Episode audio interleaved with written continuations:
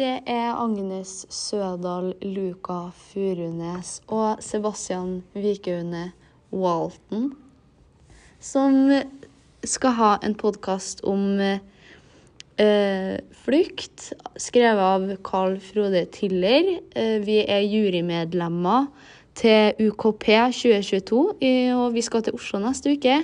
Så vi har tenkt til å snakke litt om boka 'Flukt'.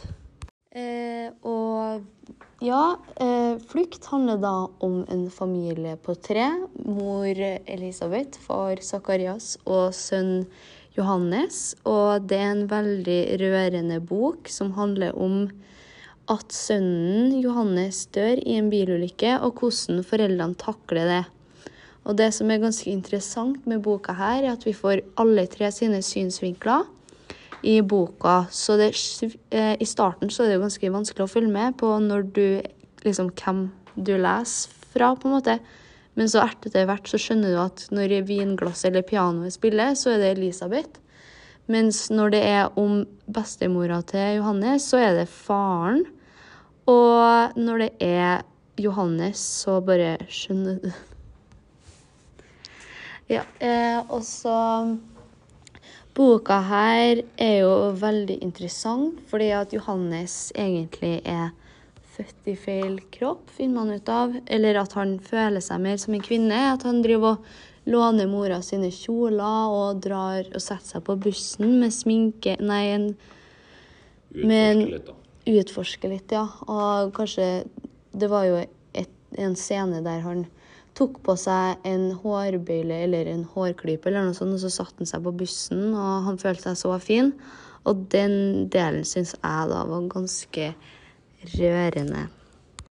Ja, hva syns du om boka da, Sebastian?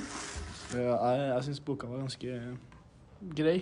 Eh, Det med at vi fikk se flere sine synspunkt, eh, syns jeg var ganske noe nytt, da. Siden det det skjedde ikke i noen av de andre bøkene. Nei. Eh, og så er det også det med at eh, det viser hvor vanskelig det er for folk som ikke er da, f.eks. født i feil kropp, da, hvor vanskelig det er å komme ut til andre. Du da, Luka? Hva tenker du om eh, boka? Nei, litt det samme som Sebastian sier. Jeg syns det er spennende og interessant at de snakker om eh, en som er trans, da. Så jeg syns ikke det blir snakka så mye om i bøker, og har egentlig ikke lest noe særlig om det før.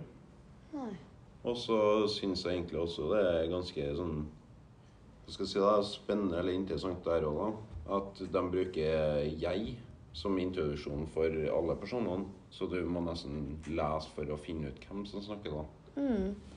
Det er jeg helt enig i. Og eh, det med at eh, foreldrene på en måte skyves litt sånn De er litt sånn fram og tilbake etter Johannes sin død.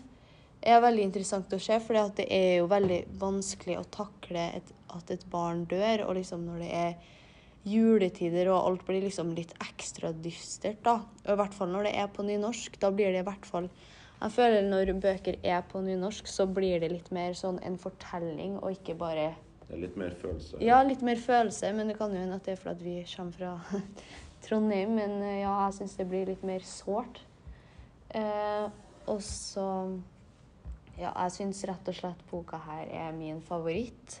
På grunn av liksom hel, selve fortellinga og skildringa og alt sånt her, da. Og så syns jeg at eh, Nei, jeg syns rett og slett bare det var en veldig bra bok. Jeg satt igjen med en eh, trist følelse inni meg etter jeg har lest. Og hvis en bok setter inntrykk på deg etter du har lest den, så vil jeg si at det er en ganske bra bok. Ja, jeg er enig i det. Ja, og 'Flukt' ble jo da en av de bøkene som ble mest likt i klassen, da. For jeg tror folk kanskje trenger å føle litt på at de sitter igjen med noe etter en bok, da. Føle litt på ting etter en bok, for det er ikke så ofte man gjør. For meg i hvert fall, da.